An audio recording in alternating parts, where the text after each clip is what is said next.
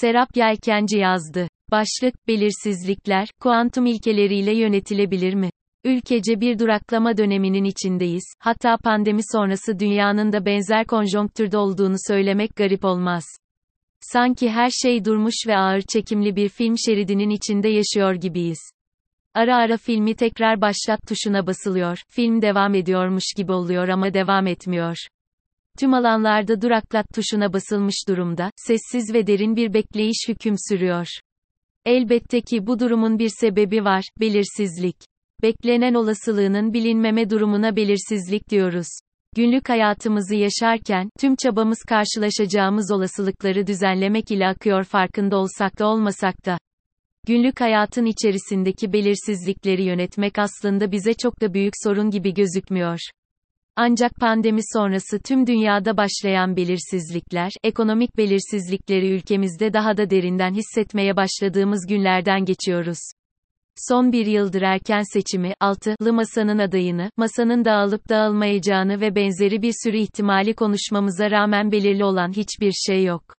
İnsan kendi hayatındaki belirsizlikleri kolayca yönetebiliyor iken, bizim gibi gelişmekte olan ülkelerdeki belirsizlikler zaten iyi gitmeyen ekonomiyi daha da derin bir şekilde etkiliyor.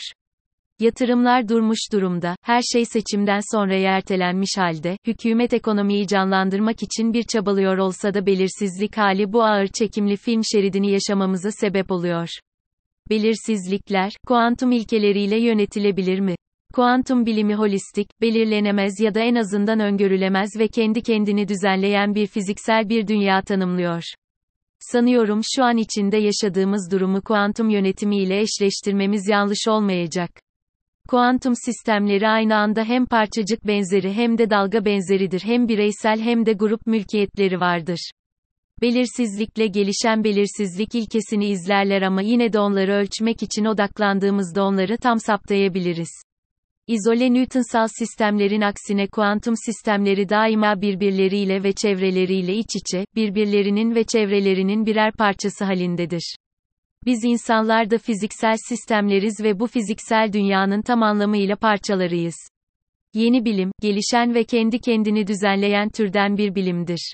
İlişkiler aracılığıyla kurulan ve yeni yeni gelişen bütün, daima parçaların toplamından büyüktür.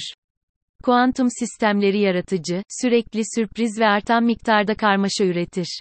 Tutarlılığı ise gizil gücün durmaksızın ortaya çıkarılmasıyla sağlanıyor.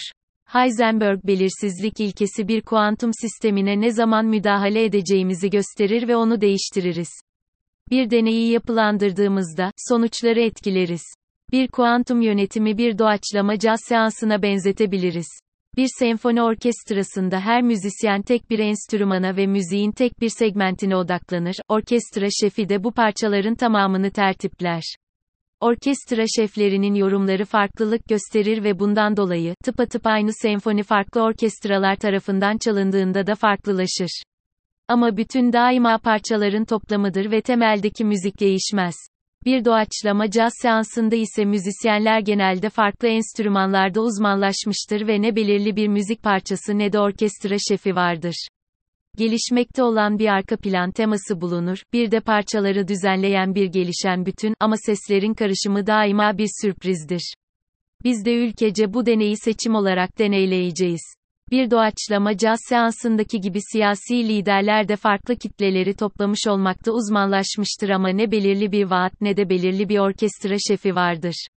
Süreçte olan her şey bize kuantum ilkelerinin kullanıldığını göstermektedir. Hatta belirli olan tek şey vardır, tüm siyasi liderlerin, yeter, söz milletindir, söylemi. Peki neden 80 milyon, yeter, söz milletindir'i duydu?